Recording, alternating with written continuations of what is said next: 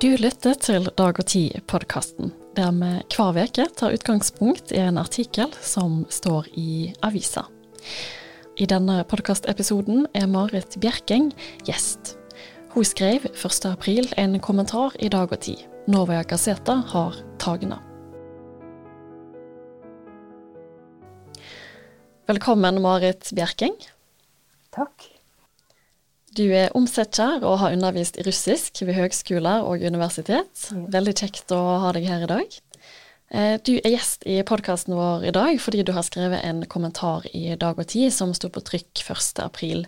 Og der reflekterer du over hvordan den russiske pressa har utvikla seg og endra seg siden 70-tallet, når du var russisk student.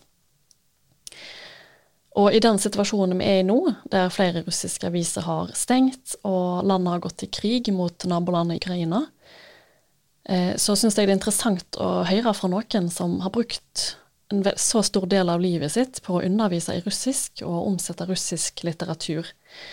Og russisk språk og litteratur skal vi jo selvsagt komme innom i dag. men før da, hvordan har Ukraina-krigen påvirka deg? Men sånn rent fysisk, personlig, så våkner jeg jo hver morgen og er kvalm. Og det pleier ikke jeg. Og eh, jeg syns det er eh, forferdelig. Helt forferdelig. Av, av, mange grunner. Altså Det er klart, når jeg tenker på Ukraina, som er blitt overfalt på den måten, og ser hva som har skjedd der, byer som er blitt utradert, Eh, det er jo helt skrekkelig. Eh, men så tenker jeg jo hva kan jeg gjøre? Det er jo ikke meg det er synd på. Man må jo prøve å gjøre sitt. Altså når vi kan russisk og kan følge med, så må vi prøve å gjøre vårt. Og så er det jo Det er så, det er så grusomt at, at, det er krig mellom, mellom disse folkene. Og det er ekstra grusomt at Russland har angrepet um, Russland har jo utviklet seg på en veldig trist måte, sånn som jeg ser det.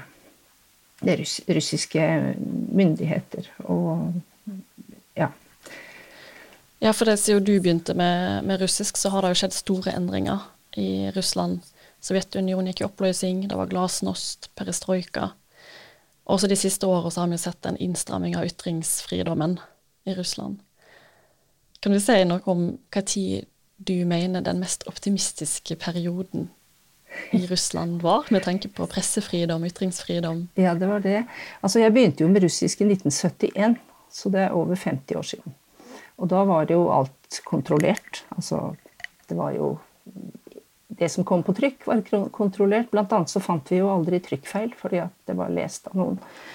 Jeg var der på sommerkurs, og da var det, det var ikke mulig å, å få kontakt med med russere og snakke med noen.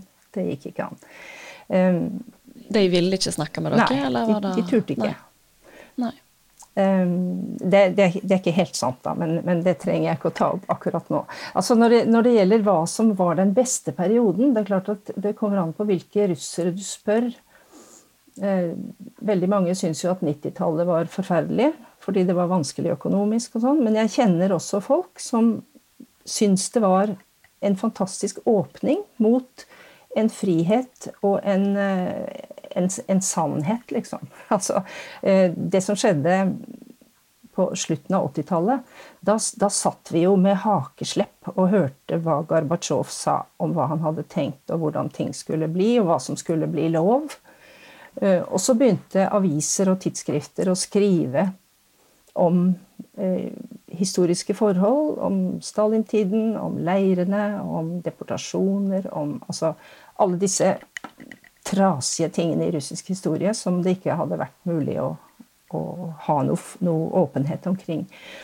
Sånn at det var jo en, en, en stor åpning og en, en, fri periode, da, hvor man også kunne begynne å ha kontakt med folk. og så kom det jo samtidig med at vi fikk e-post. ikke sant? Så, sånn at eh, alt åpnet seg jo.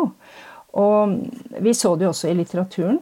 At allerede på slutten av 80-tallet så, så, begynte det å komme ut verker som hadde ligget på hylla en stund. Det samme var med filmer. og veldig mange sånn kulturytringer da, som plutselig ble, ble, lov. Og det ble veldig spennende og hyggelig og, og flott å se.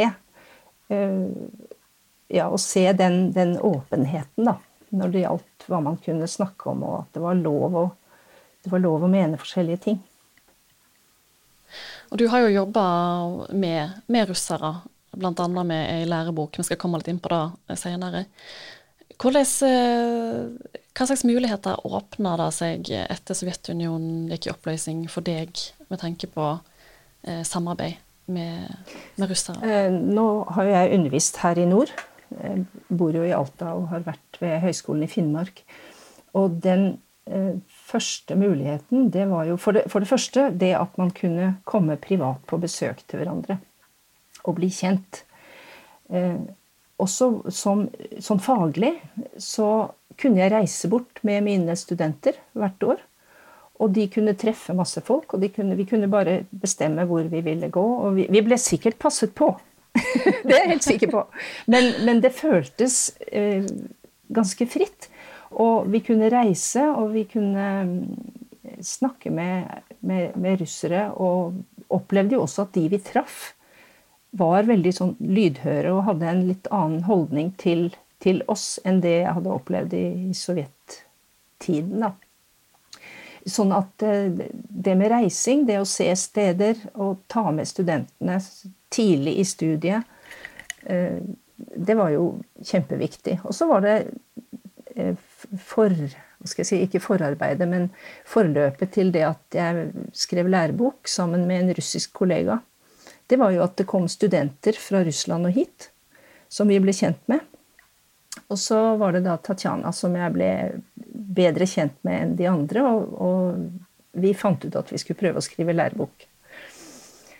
Ja, hvordan sier du da? Det er jo i lærebok på russisk dette, Den som dere skrev, heter Sasedji, altså naboer, ja, mm. for norske, norske studenter ja. i russisk språk. Mm. Det, det, var jo meningen at det skulle være for norske studenter. Den er spesiallaget for norske studenter. og Derfor så handler den om to norske studenter som reiser til Arkangelsk og studerer og blir kjent med russiske ungdommer. Og så, og så prøvde vi å holde oss til Eller å, å, lage tekster som skulle kunne brukes fra første stund. Eh, at det skulle dreie seg om ting som ungdom var opptatt av å snakke om og bli kjent gjennom. og sånn. Eh, og så hadde vi jo da store muligheter til å reise og være på research, for å kalle det det. Eh, og bestemme at nei, de kan dra dit, og de kan gjøre det og det. Altså vi, vi lagde jo en historie da, som går igjennom hele, hele verket på tre bind, egentlig. Vi hadde det veldig gøy og interessant. Ja. Ja, og dere var òg i St. Petersburg og gjorde opptak. Eh, ja da. Sånn dialogopptak. Ja. Mm. Vi fikk lest inn alle tekstene der av russiske skuespillere. Hadde samarbeid med et, eh, et, studio.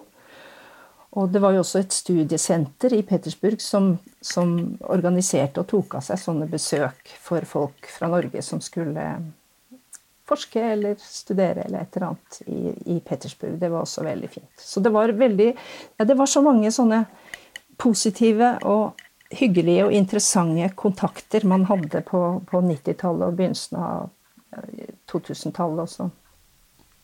Når var det da begynte å gå feil vei med Russland, mener du? Jeg vet ikke. Jeg er ikke noe, er ikke noe spesialist sånn, altså. ikke sant? Jeg er jo en, en, vanlig språklærer, for å si det sånn. Men jeg husker et, um, et sånn Ja, et skille. Det var razziaen i NTV TV-studio. Det, det, slo ned i meg som et sjokk. Eh, at nå skulle det ikke være lov lenger å, å drive TV og drive medier. Sånn som ja, det var et uavhengig Uavhengig TV-kanal, og veldig TV interessant. Veldig Ja, hadde mange interessante diskusjoner, og fagfolk som uttalte seg, og ja, man kunne bli litt klok av. Så det var veldig Ja, det syns jeg var trist. Og så har vi jo sett da, særlig etter, etter annek annekteringen av Krim, så har det jo gått ganske raskt nedover med ytringsfriheten. Hva syns du om uh, måten norsk media har dekka eh, nyheter i Russland på? Spør du meg om kjepphesten min? Nei da, jeg, jeg, har vært litt misfornøyd. Altså, det, har jo vært, har vært mange gode korrespondenter i avisene, og mange gode korrespondenter i TV og radio. Det, det syns jeg absolutt. Men de har kanskje ikke fått så mye plass som de burde ha fått. Og så har det kanskje vært litt for få. Eh, og eh, ja, det er vanskelig å komme med kritikk, da, men, men eh, jeg skulle gjerne sett mer grunnlagsinformasjon om det som har skjedd i, i Russland. Vi har, vi har fått høre om toppene, liksom. Nå er Navalnyj forgiftet. men, men, hvorfor ble han det, og hvordan var hele, ja, hele, utviklingen før? Men altså, jeg har jo ikke lest og hørt alt som har vært i norsk presse, sånn at jeg skal ikke oppkaste meg til noen stor dommer her. Eh, men jeg, jeg, tror at vi ville ha fordel av å ha flere journalister eh, som kunne russisk skikkelig. Vi har noen som kan det veldig skikkelig og bedre enn noen, men, men vi skulle hatt flere. Og da tenker jeg vi kan gå litt over på russisk eh, språk og litteratur. Ja. For eh, du har jo omsett flere bøker fra russisk til norsk, ja, og du kjenner den russiske litteraturen godt. Og i Dag og Tid-podkasten 1. april, da snakka jeg med den ukrainske forfatteren Andrej Kurkov, og han sa der at eh, Putin har ødelagt Pusjkin har ditt forhold til russisk litteratur endra seg etter krigen? Tja, det er vanskelig å si. Det, det, har nok på en måte Det har nok på en måte det. Fordi at uh, den krigen er så grusom og så skrekkelig, og den ligger i bakhodet. Sånn at hvis jeg Nå, nå har jeg ikke lest så mye Pusjkin siden krigen begynte, jeg har holdt på med andre, andre ting. Men, men uh, jeg blir så trist. Altså, jeg blir så trist eh, av å tenke på hvordan det er blitt når jeg leser f.eks. Eh, ja, jeg har lest noen dikt av Mandelstam og vært borti det i forbindelse med en oversettelse jeg holder på med. Um, sånn at det kommer en sånn tristhet i tillegg, selv om jeg syns at Pushkins dikt er nydelig, og Jesenin skriver så vakkert om det og det, og så, så blir jeg så trist. Fordi at jeg vet hvordan situasjonen er nå. Så det, det, Jeg skal ikke si at Putin har ødelagt Pusjkin, for det skal han jaggu ikke få lov til. Eh, men, og Pushkin var jo også en slags opposisjonell. Sånn at man, man, kan jo hente ting i den russiske litteraturen. Lese f.eks. Tolstojs 'Appell mot krig'. Det er jo fantastisk tekst. Eh, sånn at eh, Nei, det skal ikke Putin få lov til å ødelegge. Det er jo mye negativt, naturlig nok, rundt uh, Russland nå. Burde vi boikotte russisk kultur? Nei, det syns jeg, jeg jo ikke. Altså, det er klart Man inviterer ikke en, en, musiker som offentlig har erklært at han støtter krigen, og ikke vil høre på noe annet. Uh, det er jo enkelte som man overhodet ikke vil verken snakke om eller snakke med. Men, men å boikotte kulturen sånn en masse, det syns jeg ville være helt galt. For det er jo deler av, viktige deler av den russiske kulturen som nettopp eh, er imot den typen verdier som Eller jeg skal ikke kalle det verdier engang. Den typen virksomhet som, som regimet driver nå. Ikke sant? Det er jo, eh, forfattere har jo eh, i stor grad hatt en helt annen innfallsvinkel enn denne imperialistiske, voldelige tankegangen. Sånn at eh, Nei, jeg syns det ville være veldig galt. Men jeg, men jeg skjønner at det kommer opp. Men eh, f.eks. skulle man slutte å spille russisk musikk. Det ville jo være meningsløst, altså. Men eh, du sier at noe litteratur da går imot disse her ideene om eh, ja, om imperiet, da, Russland. Gjelder da òg russiske forfattere i Russland, eller er det mest eh, eh, hva heter det, emigrantlitteratur? Nei da, det er jo litteraturen i Russland. Den har jo, den har jo stått eh, fritt lenge. Altså, den har stått fritt lenge. Og, Og jeg tror det var kanskje Kirken som sa det en gang, at det, man kan jo skrive hva man vil, for det er jo ingen som ser på det som noe sånn viktig, viktig meningsdannende eh, materiale, på en måte. Altså, så litteraturen har, har, stått veldig fritt, og den har jo forferdelig mange forfattere som, som er helt på, på tvers av denne politikken som føres nå, selvfølgelig. Men så har vi jo sett at mange har reist ut, da, fordi at det har vært vanskelig å, å drive med, med, det de har villet. F.eks. Olitskaja, som jo har bodd i Moskva helt til nå, hun har jo vært nødt til å reise og er i Berlin for tiden. Ja, da har du nevnt både Olitskaja og Kirken. Og dette her er to av dine forfattere, som du kaller de for? ja, de er, jo, de er, jo, mine i Norge fordi at jeg har oversatt dem til norsk eh, Mikhail Kirken og Ludmila Olitskaja. Og det er jo forfattere jeg setter stor pris på, altså. På Hva er det med deg som gjør de ekstra spesielle, eller jeg, jeg, ja, Altså, de er i hvert fall fine. Altså eh, De har jo eh, kommet opp i en tid hvor det var lov å skrive hva som helst. Og Olitskaja var jo den jeg først ble, ble, kjent med. Jeg Leste det hun hadde skrevet og syntes det var fantastisk eh, interessant. fordi at hun i sine bøker så, så, dekker hun på en måte hele den sovjetiske historien. Samtidig som det er en, en altså fortelling om mennesker, om forhold mellom mennesker, som vi kan kjenne oss veldig godt igjen i. Og så får hun vist alle sidene ved den russiske historien, eller sovjetiske historien, da, bak. Og, hun, også, og Sjisjkin er jo en, en mer sånn, hva skal vi si, modernistisk forfatter, eller, men han har også det her fortellerevnen.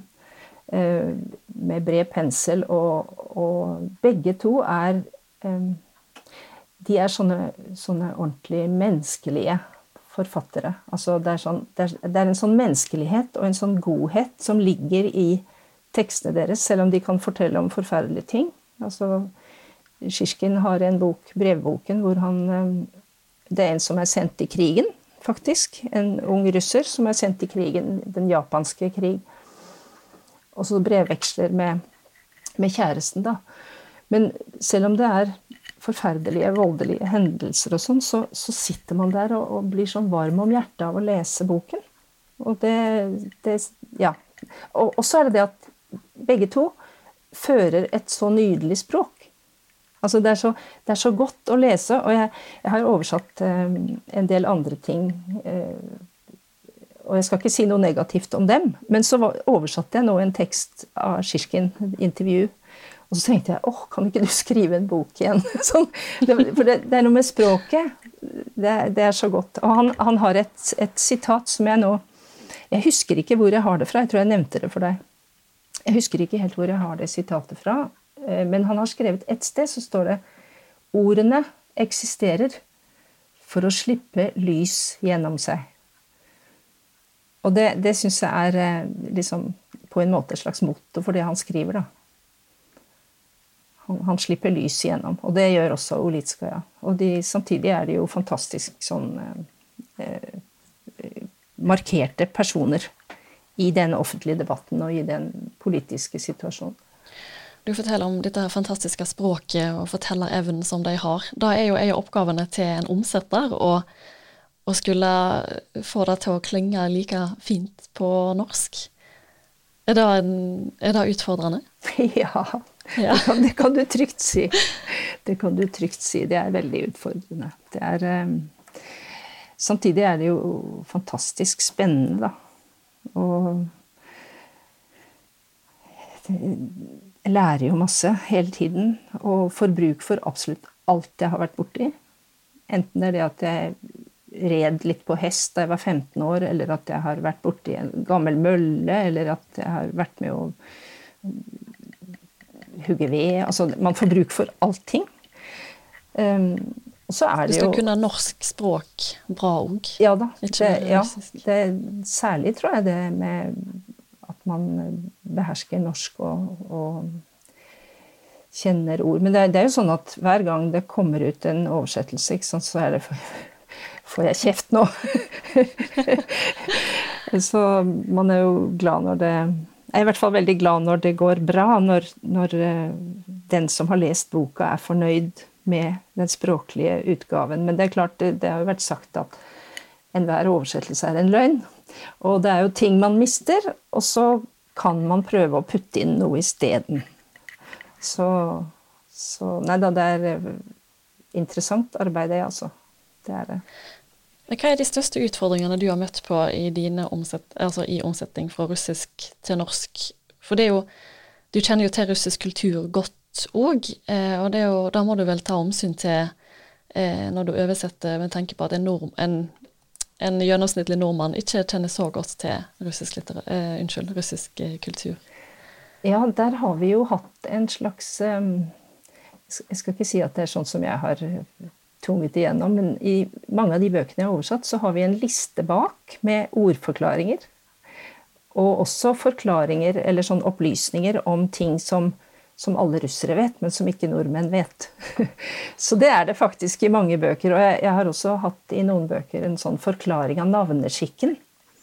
Ja. Ikke sant? Når, For den er litt ja. ja. det er veldig mange som um, klager over det når de har lest en russisk bok. Er, Hvorfor skal de ha så mange navn? Det er umulig å forstå liksom, at de heter det ene og det andre og det tredje. Og... Sånn at det å lage informasjonslister um, utenfor teksten, det går an. Og så går det an å snike inn en sånn ekstraforklaring.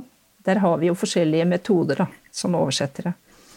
Um, i å legge inn en forklarende liten setning eller et uttrykk.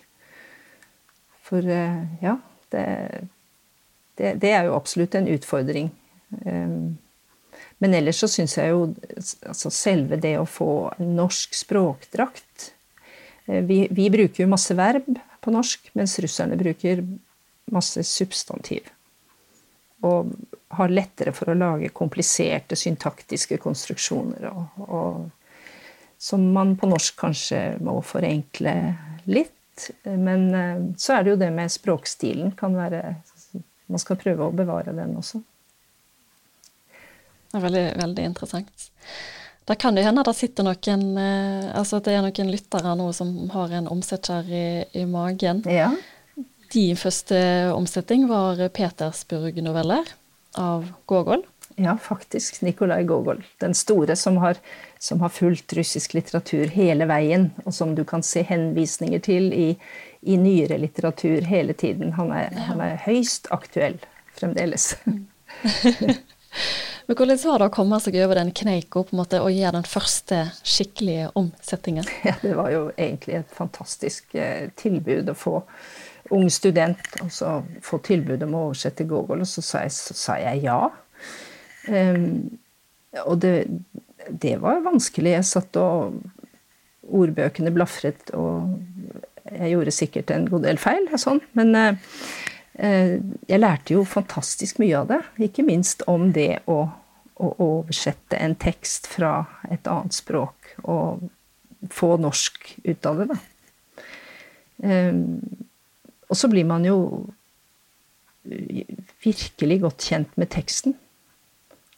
Eh, og det, det er fantastisk lærerikt.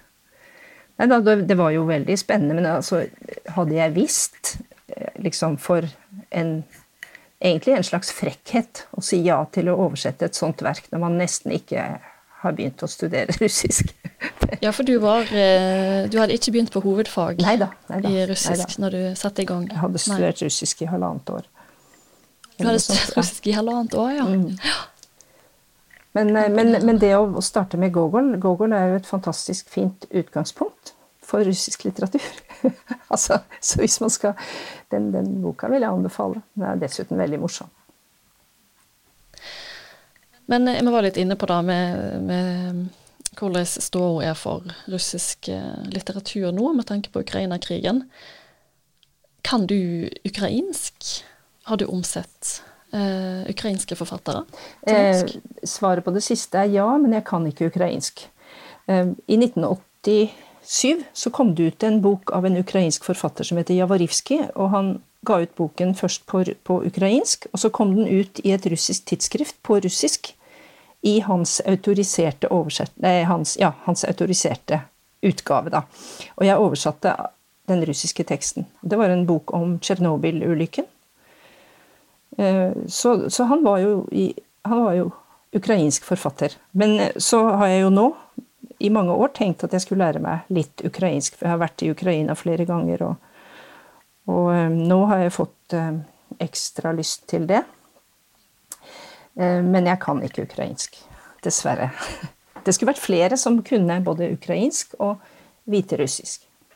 Nå, kan jeg jo nevne det at jeg oversatte Isak Babel fortellinger fra Odessa som akkurat er kommet ut nå i pocketutgave.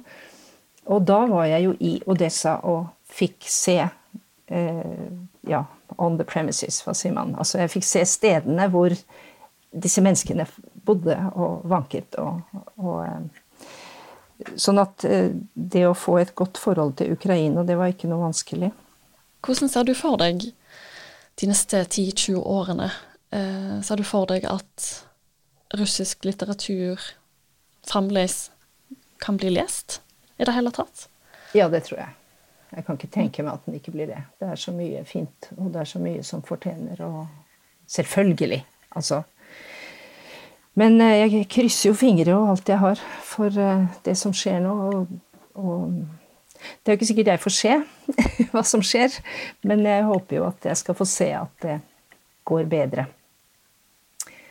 Det, det, må jeg si. Og at russisk litteratur vil leve, det er jeg helt sikker på. Det, den inneholder så mye, og det kommer den til å gjøre fremover også. Så det som, som Kirken uttalte seg jo om det i eh, et intervju, eller en artikkel, at det kommer til å bli skrevet bøker om dette etterpå. Tenker du at russiske forfattere har et eh, slags ansvar nå for å Jeg vet ikke. Det, altså, tradisjonelt så har jo russiske forfattere blitt eh, sett på som en slags sånn sansigere, altså i sovjettiden, hvor folk leste klassisk litteratur for å lære om livet, eller å forholde seg til livet, da, og brukte det som positiv instans i livet. Men at jeg skal sitte og si at forfatterne har en plikt, det, det blir litt komisk. For at de forfatterne skriver jo når de skriver, og når de må skrive og vil skrive. Og jeg tror bare at de kommer til å gjøre det, altså. Fordi at det er eh, kloke og tenkende mennesker som, eh, som eh, vil formidle, og som vil prøve å forklare verden litt for oss. Da finnes det jo òg russiske forfattere som som støtter det regimet vi ser nå? Ja, dessverre. Enhver har valget. Eh, så det er klart det er komplisert, allting. Men eh, jeg skal ikke sitte og gi noen regler for noen. Jeg skal, jeg skal bare oversette det de skriver. Vi skal begynne å avslutte her, men jeg lurte til slutt på Eh, siden du sjøl har studert russisk språk, og du har òg undervist i det. Har du gjort deg noen tanker om framtida til russisk studie, eller Russland-studiet i Norge? Jeg håper jo at det skal få en blomstrende tid. Eh, for det er så viktig at vi vet mer om, om Russland, om russisk historie, om, og at vi kan språket sånn at vi kan følge med. Og det har jeg sagt sikkert mange ganger nå, men, men jeg håper alt det beste for russisk studie. Det må jeg si. For det er, eh, det er en ny verden, og det er en fantastisk verden å, å, ha innblikk i. Det, det, det, har vært min opplevelse av, av, det å holde på med russisk, at, at man er liksom en del av noe mer enn bare i mitt eh, lille, begrensede liv. Eh, det er så rikt på så mye, og ikke minst sånn eh, kunst og film og um, hele spekteret musikk, altså hele spekteret av den russiske kulturen har så mange rikdommer i seg at uh, det vi ser nå, det er jo en, en forferdelig tragedie, altså. En kriminell tragedie. Så Nei da. Det, det under evighetens synsvinkel så kommer de positive krefter til å overleve, tror jeg. Marit Bjerkeng, tusen takk for at du var gjest her i Dag og Tid-podkasten denne uka. Takk for meg.